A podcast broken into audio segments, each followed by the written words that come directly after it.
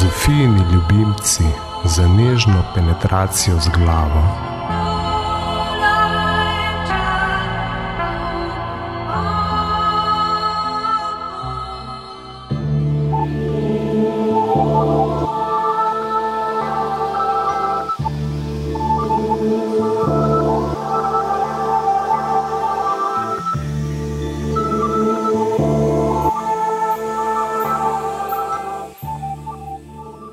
Pozdravljeni v prvi letošnji oddaji Zofijnih ljubimcev. Od zadnje oddaje je res minilo skoraj celo leto, kar pa ne pomeni, da smo v društvu Zofijni v tem času mirovali. Za nami je plodno in zanimivo leto, ki ga je zaznamoval poststajniški maček in številne tekoče in že dobro uveljavljene dejavnosti, ki jim sicer lahko sledite preko naše spletne strani zofijni.net. Prav spletni strani smo preteklo leto posvečali največ pozornosti, saj smo jo temeljito prenovili in posodobili. V vodnih mesecih novega leta lahko pričakujete kakšno priliko, na kateri bomo širši javnosti predstavili delovanje nove spletne strani. Sicer v novem letu nadaljujemo tam, kjer smo ostali lani. Se pravi, s ciklom predavanj Delo, kapital, komunizem, ki vam bo stimulativne, prevratniške ideje ponujal tudi v svoji pomladni različici. Nekje zgodaj pomladi bomo začeli tudi z novim ciklom filmozovskih večerov, poimenovanem Mediozofija, o posredovanem svetu, na katerih bomo skozi že znano formo obdelovali nekatere najbolj samomnevne dogme aktualnega družbenega sistema, kot so recimo status, potrošništvo, spol in tako dalje.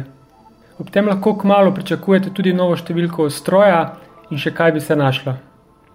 Zofijni se skratka ne pustimo motiti vse splošne resignaciji in kljub vse manj razlogom za optimizem, še naprej delujemo v prepričanju o nujnosti temeljite družbene transformacije, ki bo skladna z ideali humanizma. Zdaj pa k aktualni vdaji. Uvodoma bomo preverili Zofijin jagodni izbor leta 2013, ki je naš poskus ironičnega kritičnega pogleda na minulo leto. V nadaljevanju sledita dve kolumni Borisa Vezjaka. Prva o korupciji v novinarstvu in druga o novoletnem nagovoru predsednika republike Borota Pahorja. Vmes se bo vrinil kratek prispevek iz bloga Oglaševanje na tehnici z naslovom Resnica o športnih izdelkih. Želimo vam prijetno poslušanje.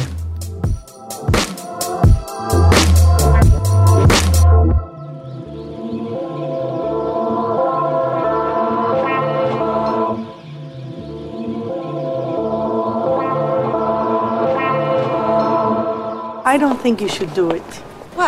Uh, sell your soul. Oh, it's okay, Julia. It's fine. No, but suppose the person who buys it is a really bad man, you know, like el diablo que medio lo quiera. My gallerist promised me she's not going to sell my soul to the devil.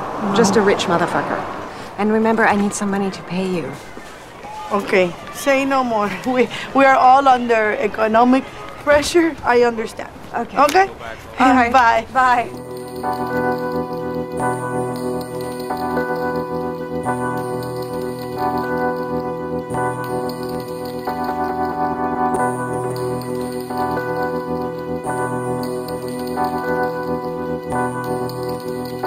Zofijini ljubimci.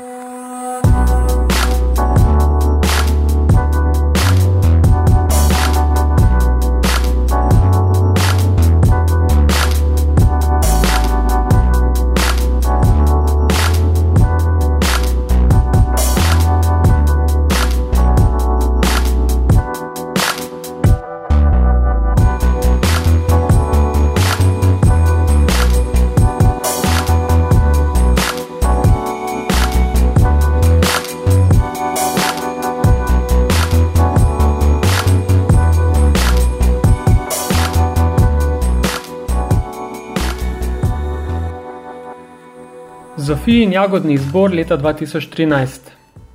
Najboljše in najslabše v letu 2013 po mnenju Zofijinih. Rubrika Zofijin jagodni izbor leta hvali, kritizira, laska, graja in ironizira deset najbolj pomembnih slovenskih humanističnih, družbenih, kulturnih, medijskih in političnih dogodkov, oseb ali dejanj v preteklem letu, na katere smo večinoma že opozarjali čez leto. V preteklosti smo upravili že izbore za leta 2010, 2011 in 2012. Po izbiri komiteja za vrednotenje humanističnih presežkov pri društvu Zofijni ljubimci ki je ponovno v hudi konkurenci opravil težavno delo, so letošnji zmagovalci naslednji. Vrstni red je bolj ali manj naključen.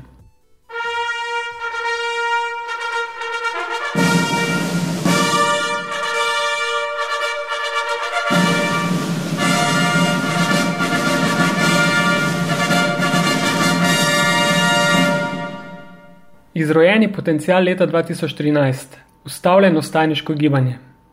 Po obetanem začetku, ko se je volja ljudstva množično pomnanila in pokazala mejo političnim elitam, se je protestniško gibanje, ki je konec lanskega leta zajelo Slovenijo, bolj ali manj izrodilo. Res, da so tu minimalni uspehi, nove ideološke platforme in stranke, tudi gledano v celoti, so se v civilni družbi razgaljale vse pomankljivosti tovrstnih protestov in pregovor na nepovezanost.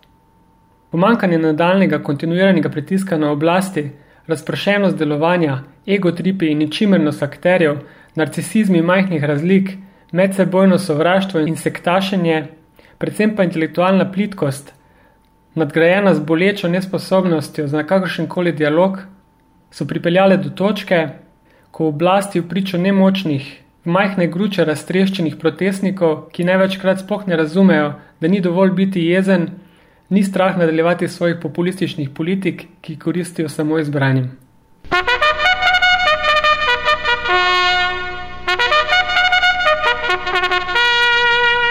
Spodletela protifilozofska diverzija leta 2013. Knjiga proti filozofiji.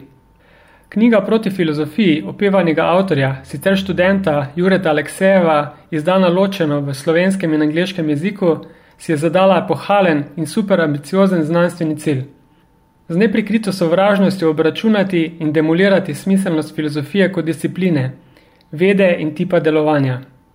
In to v enem zamahu za 2500 let nazaj in tudi za naprej.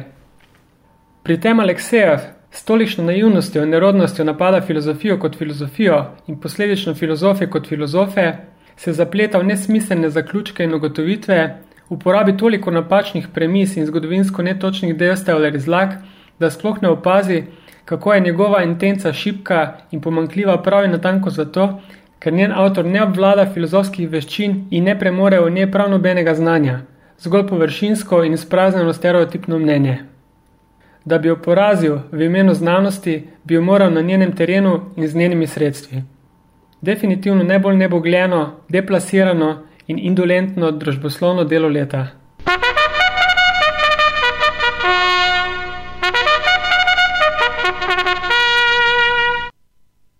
Župansko razočaranje leta 2013. Župan Maribora, dr. Andrej Fištravec. Župan Maribora, dr. Andrej Fištravec je obetal.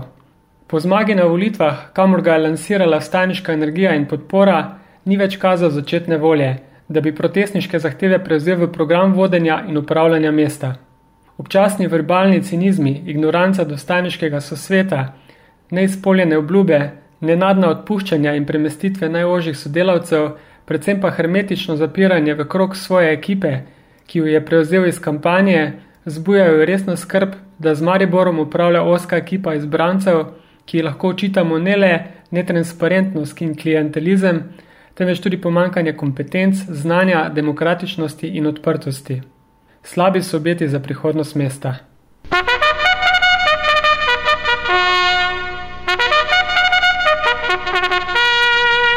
Vegradizacija leta 2013. Neoliberalno suženstvo na univerzah. Univerze v Sloveniji se potapljajo. Zaposleni na njih so v letu 2013 prijemali izsiljevalske izjave, s katerimi so se morali obvezati, da bodo nekatere delovne obveznosti upravili brez plačila, sicer njihovi programi ne bodo razpisani.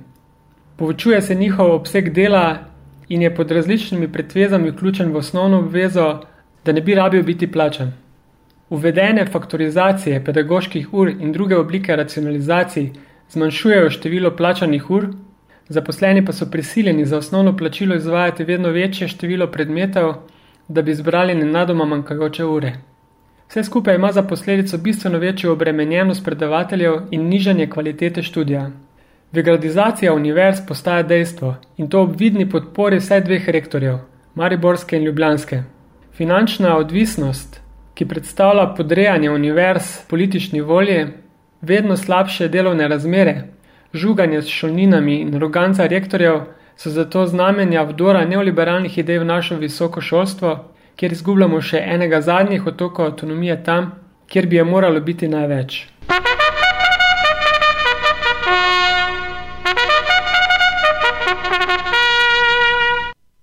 Novinarski comeback leta 2013. Melita Forsnerič Hanšek in večer. Novinarka večera Melita Forsnerič Hanšek, ki smo ji za njene dosežke, promotorke projekta EPK Preroško podelili priznanje že leta 2010, se je letos vrnila na sceno kljub njeni upletenosti v za novinarja nesprejemljivo politično sprego z bivšim mariborskim županom in soglasnemu distanciranju novinarske skupnosti. Časopis večer jo je po kratkem suspenzo pomilostil in vrnil na delo v kulturni redakciji, celo brez kakršne koli javne razlage ali utemelitve, če morda obstaja. In za nameček celo po tistem, ko je odgovorna urednica obljubila sankcije in potem snedla besedo. Vsekakor slab pokazatelj načete novinarske verodostojnosti in pokončnosti, ki bi v časih izgube zaupanja v vse stebre družbe terjala kanček naklonjenosti vse četrte veje oblasti, ključne v odnosu državljanov in države. Dokaz več, kako hitro so novinari pripravljeni požreti lastno načelnost.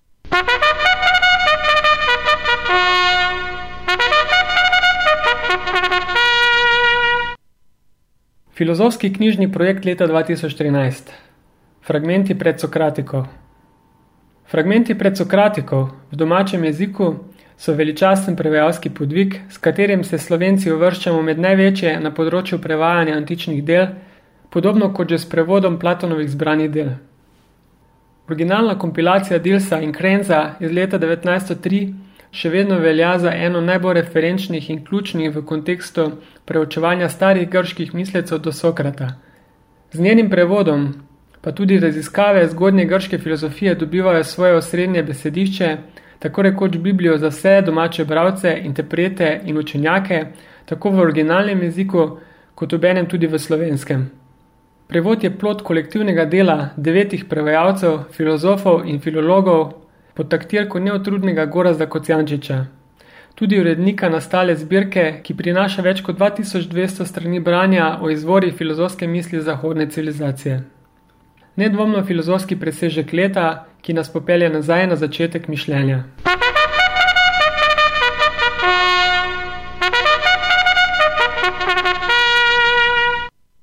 Ideološka in politična ofenziva leta 2013, inicijativa za demokratični socializem.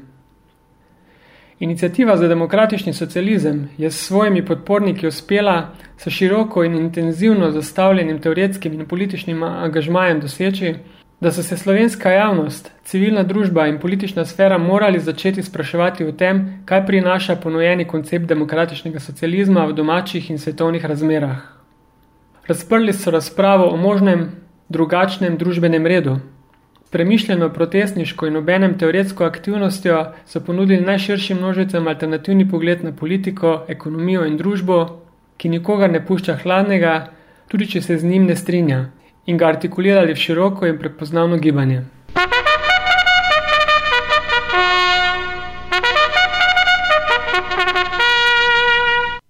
Svarilo leta 2013.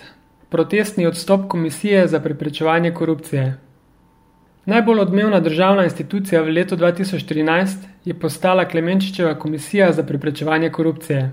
Sprva zaradi svojega dela, nato še zaradi svojega nenadnega in utemeljenega odstopa. Trojica Klemenčič, praprotnik Selinšek, je se svojim protestnim dejanjem kljub omejitvam, ki jim jih priročno natika osrednja politika s svojimi oprodami, po nesporno dobro upravljenem delu uspela spodbuditi razpravo in tudi bolj sistematičen pristop organov pregona do ene večjih bolezni dan današnjih družb – korupcije. Če tudi se sami ne bi strinjali, so s svojo gesto postili pečat. Nemoč in zavedanje o potrebi po sistemskih rešitvah, ki jih ni od nikoder, je Senat komisija ob koncu leta pripeljal do široko utemeljenega in do dobra premišljenega umika, ki je nekoliko dvoumna oporoka njihovega dosedanjega dela – Slabše od korupcije je le še to, da nimamo komisije, ki bi jo preganjala.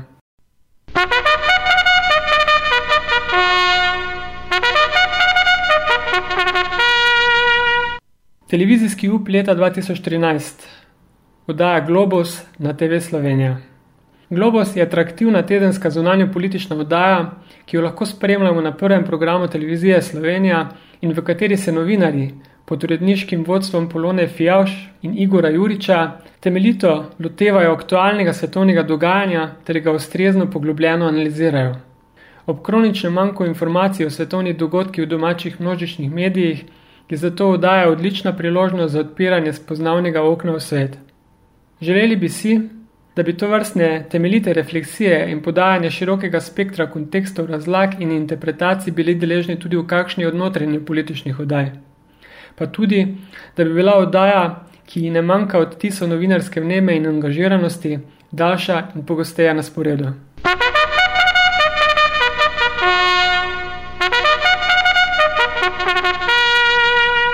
Civilno-družbeni angažma leta 2013. Iniciativa Mestni zbor. Ena redkih pozitivnih zgodb, ki je kot posledica vse slovenskih staj najprej osvojila Maribor, zdaj pa se uspešno seli tudi druge po Sloveniji, je projekt imenovan Iniciativa Mestni zbor. Enostavno zgodbo o neposredni demokraciji in soodločanju državljanov ali meščanov pri osoblikovanju lokalne politike, ki se začne pri majhnih idejah in zamislih, so aktivisti vzeli za res.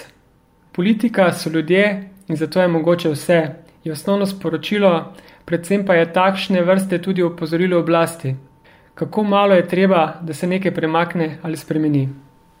Hkrati dejavnost zbora opozarja vse nas, državljane in državljanke, na izjemno vlogo, ki jo sami kot udeleženci igramo v kompleksnih sodobnih družbenih sistemih in hkrati navaja na pogumno prevzemanje odgovornosti za delovanje naših skupnosti, občine, države. Na primeru tega projekta bi se mnogi lahko veliko naučili in morda je to eden redkih pozitivnih elementov, ki nam jih zapušča stajniško dogajanje. Prispevek je v celoti objavljen na spletni strani zofijni.net.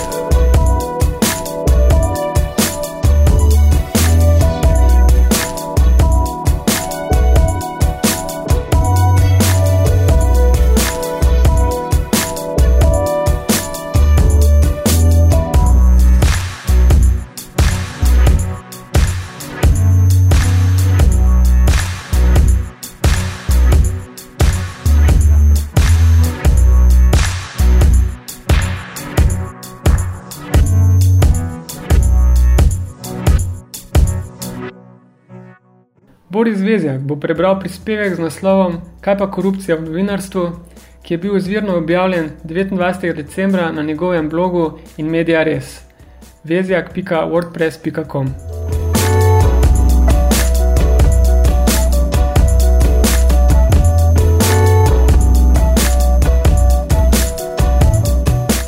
Kaj pa korupcija v novinarstvu?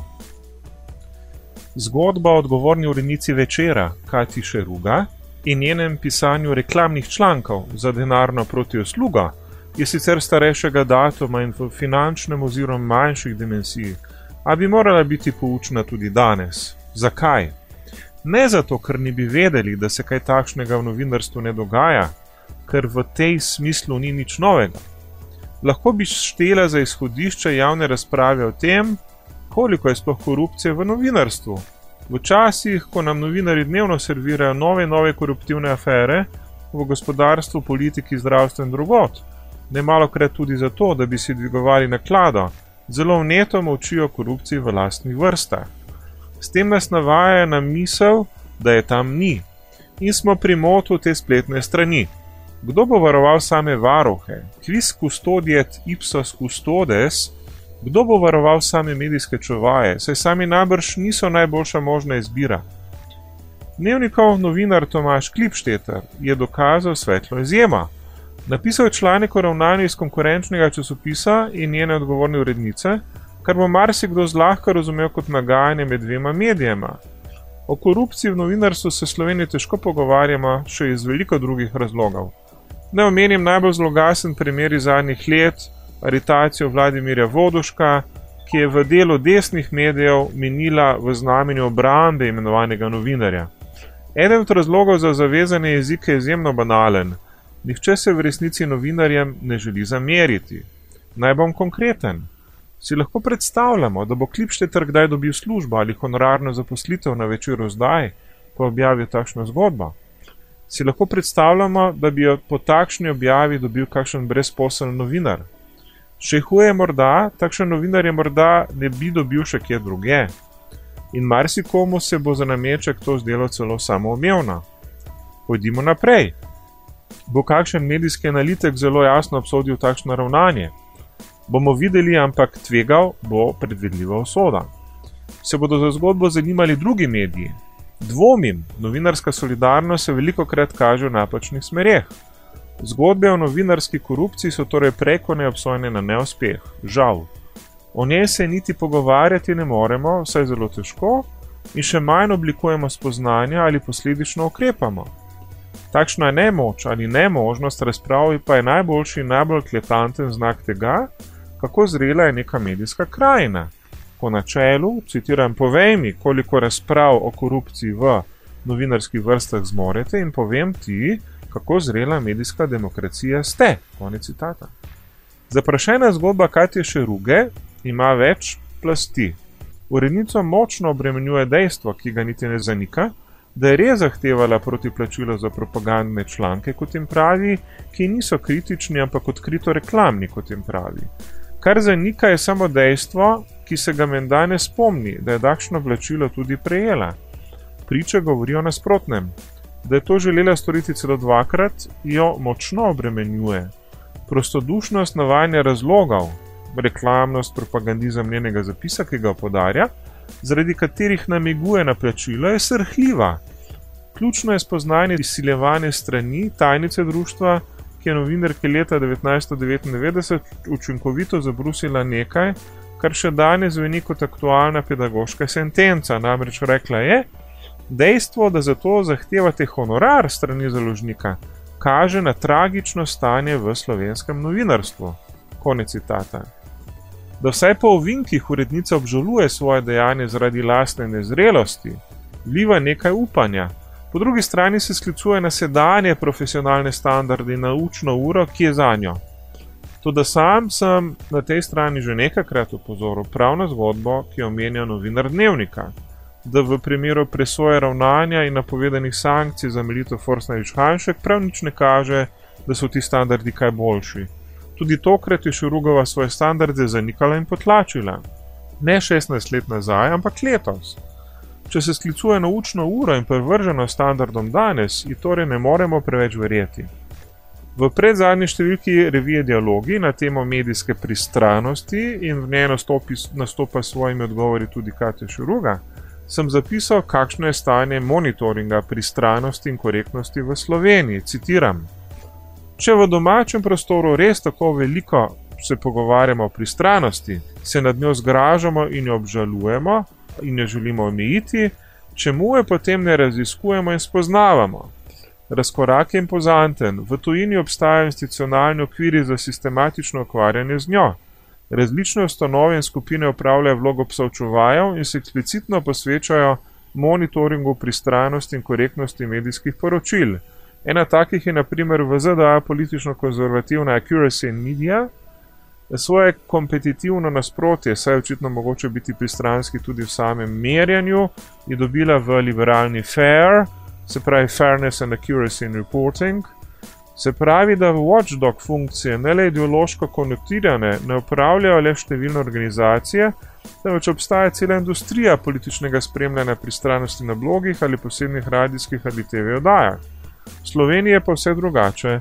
Zanesljivo taki poskusi niti ne obstajajo, če odmislimo publikacijo Medijska preža, ki spremlja tudi domača medijska dogajanja. Neposredni poskusi kritičnega empiričnega spremljanja so preko nezasmehovanih bojkotirani, pojem pristranosti pa še vedno v fazi osnovnega spoznavnega procesa in utemljevanja koristnosti to vrstnega početja. Razlogi niso znani, bi pa jih veljalo raziskati. Konec citata. Obelodanjenje zgodb o novinarski korupciji in posledični pristranosti zaradi nje je zanesljivo nekaj, kar Sloveniji še čaka na svoje boljše čase. Kaj bo do njih pripeljalo, ne moremo vedeti. Brško ne več novinarske odgovornosti, glede katere pa nisem ravno prepričan, da jo imamo v izobilju. I hate that the media's, you know, they're trying to control our minds. The media? Yeah, the media. You know, it's very subtle, but it's a new form of fascism, really.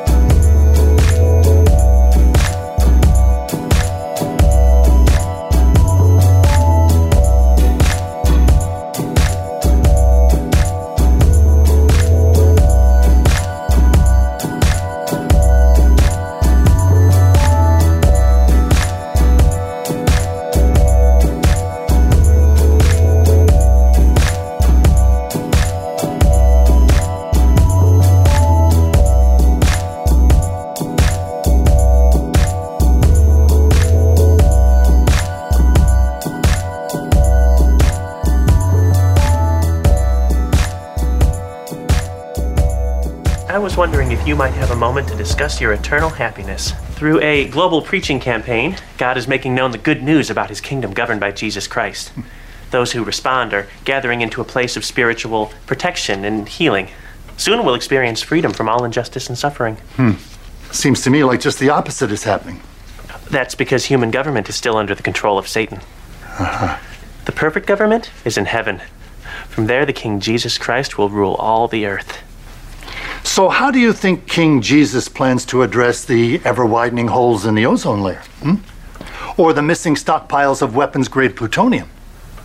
Well, I think that God will solve all of mankind's problems in his own way.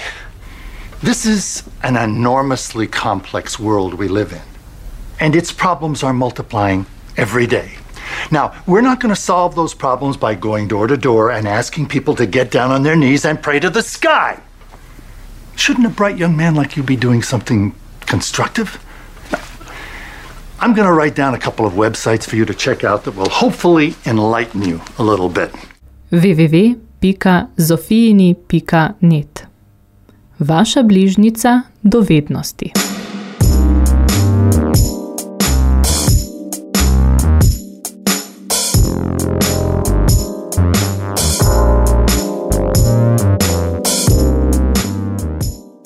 Resnica o športnih izdelkih.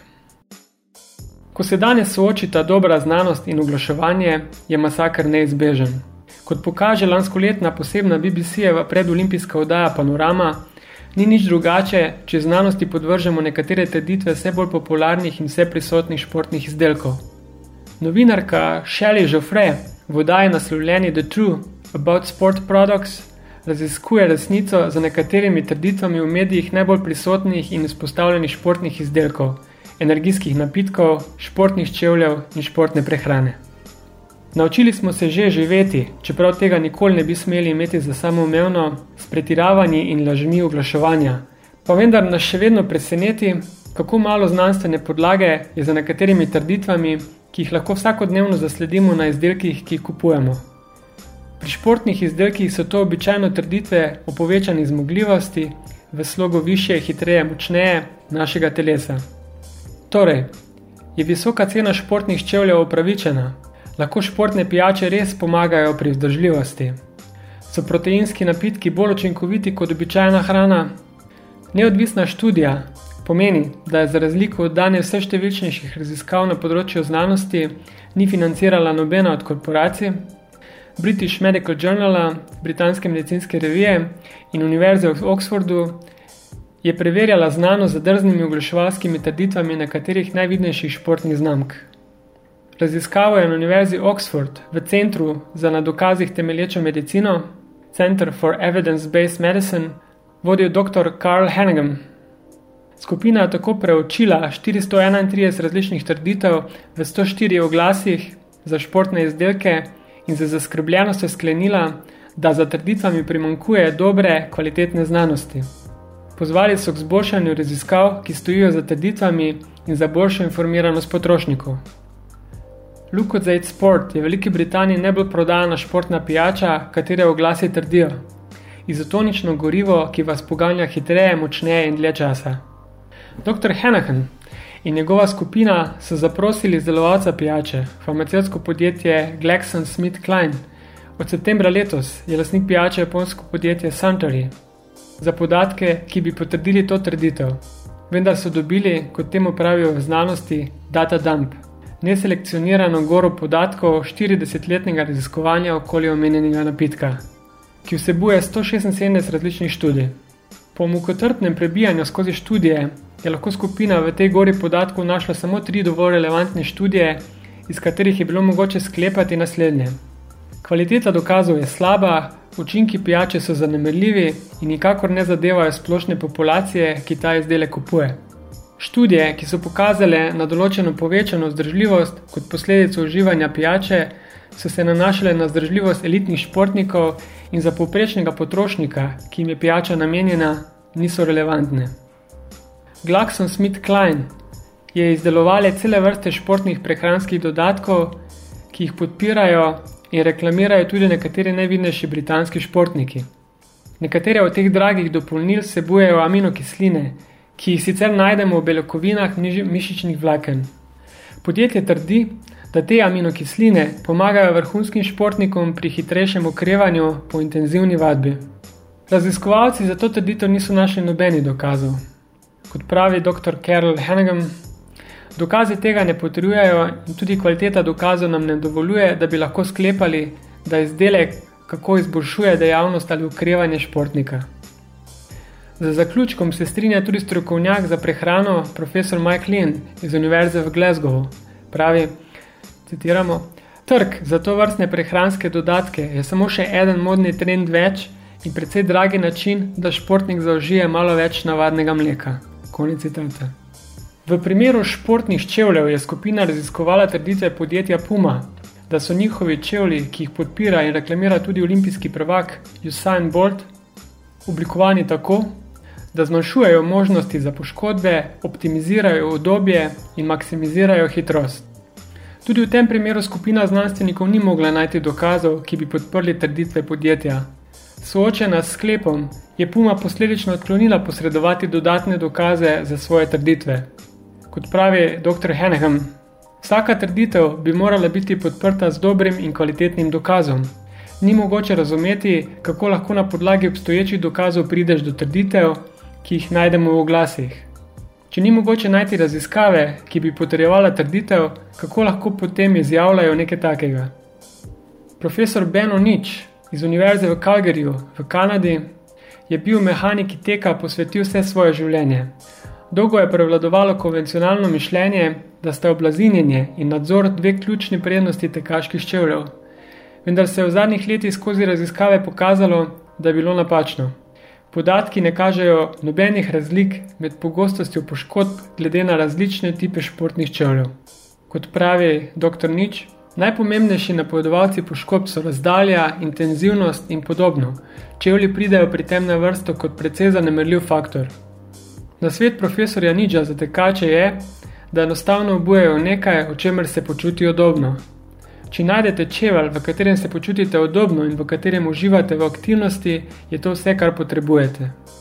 Na raziskavo so se odzvali tudi proizvajalci športne opreme. Namesto, da podkrepijo svoje divje trditve v glasnih sporočilih, so bili njihovi odgovori v glavnem samo še ena dodatna vaja v odnosih z javnostmi. V teh odzivih lahko tako zdolgočaseno beremo zgolj ponavljanje ene in iste melodije o tem, da podjetja stojijo za svojimi trditvami, ki so povsem v skladu s temi in temi zakonskimi predpisi in omejitvami in tako dalje. Posledično lahko torej pridemo do naslednjega preprostega sklepa ali modrosti, kakor pa želite zadevo razumeti. Voda je boljša od športnih napitkov, raznolika dieta je boljša od različnih prehranskih dodatkov in namenski, dragi športni copati so popolnoma nepotrebni.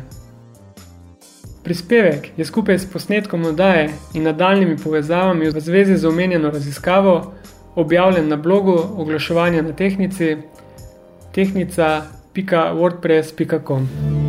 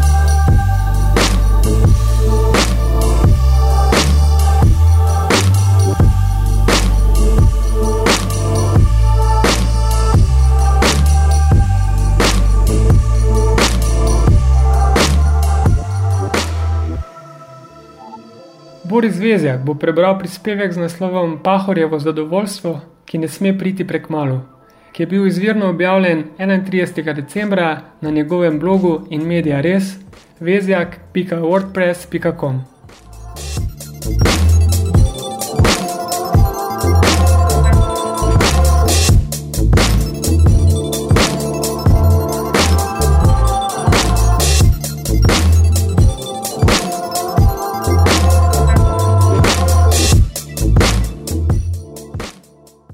Pahorjevo zadovoljstvo, ki ne sme priti prek malu.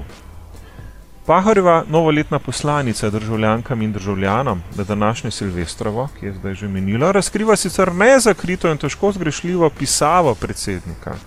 Ne le v jezikovnem oziru z obveznimi patetičnimi vložki, ne le zaradi pedagoške pokroviteljskosti, tudi zaradi psiholoških nesmislov in populističnih nakladanj. Naj omenim le tri ali štiri stvari, ki padejo v oči iz celotnega besedila. Drage državljanke, spoštovani državljani, nikoli, nikoli in nikoli več se ne sme zgoditi, da nas bi taka ali podobna kriza znova spravila na kolena. Na predvečer novega leta, v katerem se bomo skoraj zanesljivo izvlekli iz najhujšega, si moramo zato nekaj obljubiti. Napak ne bomo več ponovili, ker smo se iz vsega hudega nekaj naučili. Nikoli več zaradi kratkoročnih političnih koristi, zaradi komotnosti ali celo zaradi strahopetnosti. Ne bomo več odlašali s potrebnimi odločitvami, preden bo prepozno. Nikoli več ne sme tako visoko ceno za odsotnost voditeljstva nepravično plačati tako veliko naših ljudi. Moje sodržavljanke in sodržavljani, v prihodnjem letu bo za otenek bolje ne bo še povsem konec krize, vendar bo skoraj zanesljivo začetek njenega konca. In zaradi utrujenosti od nje bomo tega upravičeno veseli. Vendar je ključno, da ne bomo kot družba prehitro in preveč zadovoljni. Gospodarsko okrevanje je sicer zelo pomembno, tudi za modernizacijo naše družbe in države, ter za našo večjo prilagodljivost razvitemu svetu, ni zadostno. Potrebujemo zelo zahtevne strukturne spremembe, zlasti na področju zdravstva in visokega šolstva. In iz izkušenj vemo, da jih je mogoče doseči le, če smo pripravljeni sodelovati. Kot predsednik republike čutim ob tej važni uri preboja dolžnost in odgovornost, da spodbudim vse nas k medsebojnemu spoštovanju, sodelovanju in povezanosti.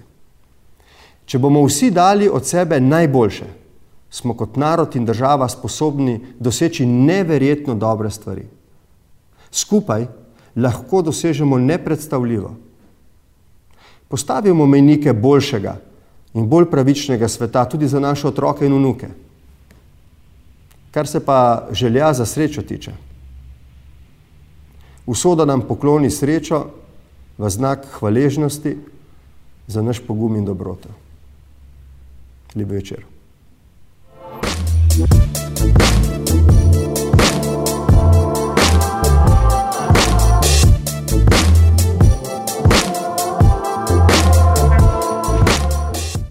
kaj nam je predsednik republike želel s tem povedati? Prvič, predsednik si gladko privošči jezikovno prisvajanje državljanov.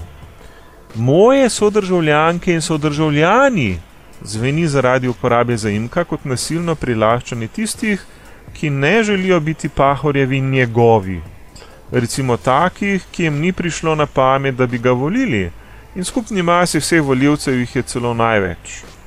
Pogledal sem nekaj govorov svetovnih voditeljev in predsednikov in našel le en primer, dopuščam, da jih je še več, kjer je nekaj podobnega storil JFK ob svoji inauguraciji. Ja, tisti JFK, ki ga pahor sebi rad postavlja za zgled. Vendar za imek v angleščini zveni bistveno manj invazivno. JFK je namreč dejal: And so, my fellow Americans, ask not what your country can do for you. Ask what you can do for your country. My fellow citizens of the world, ask not what America will do for you, but what together we can do for the freedom of man. Konec citata.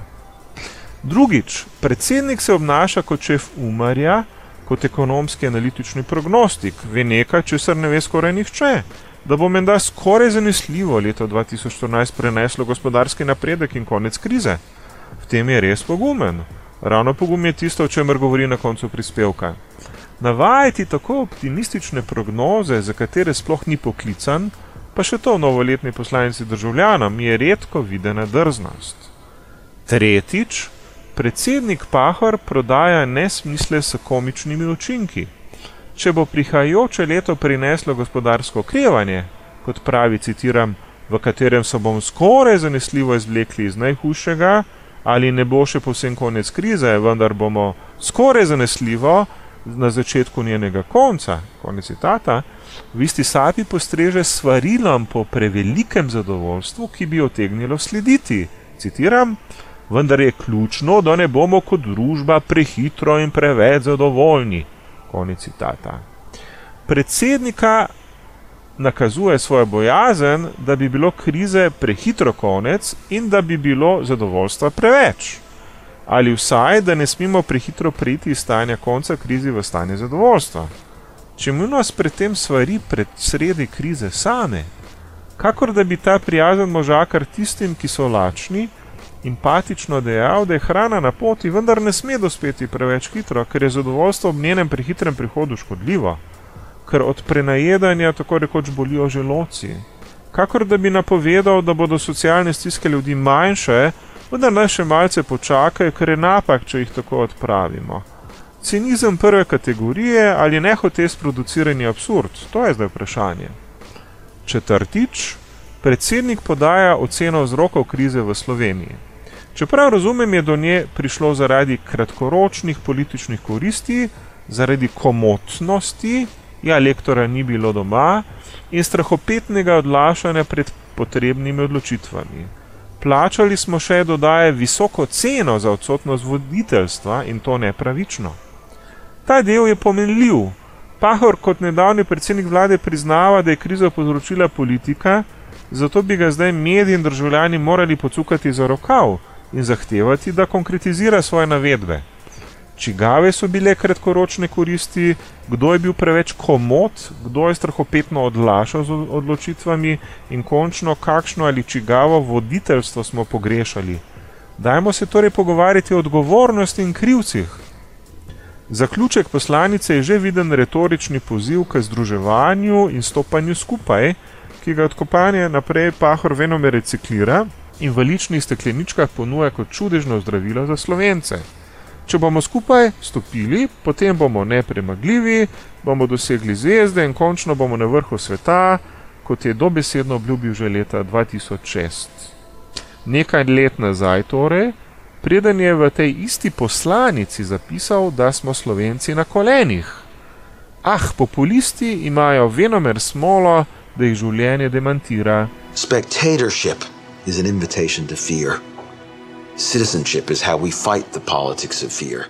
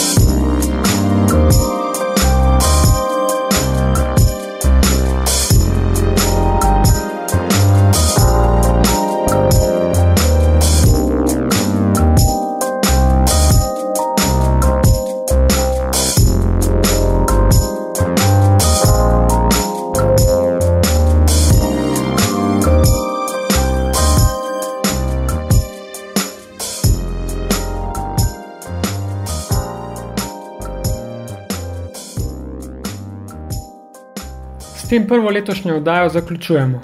Obljubimo, da na novo ne bo treba ponovno čakati celo leto. Spremljajte našo spletno stran, vabljeni na dogodke, ki jih pripravljamo v mestu in predvsem mislite kritično.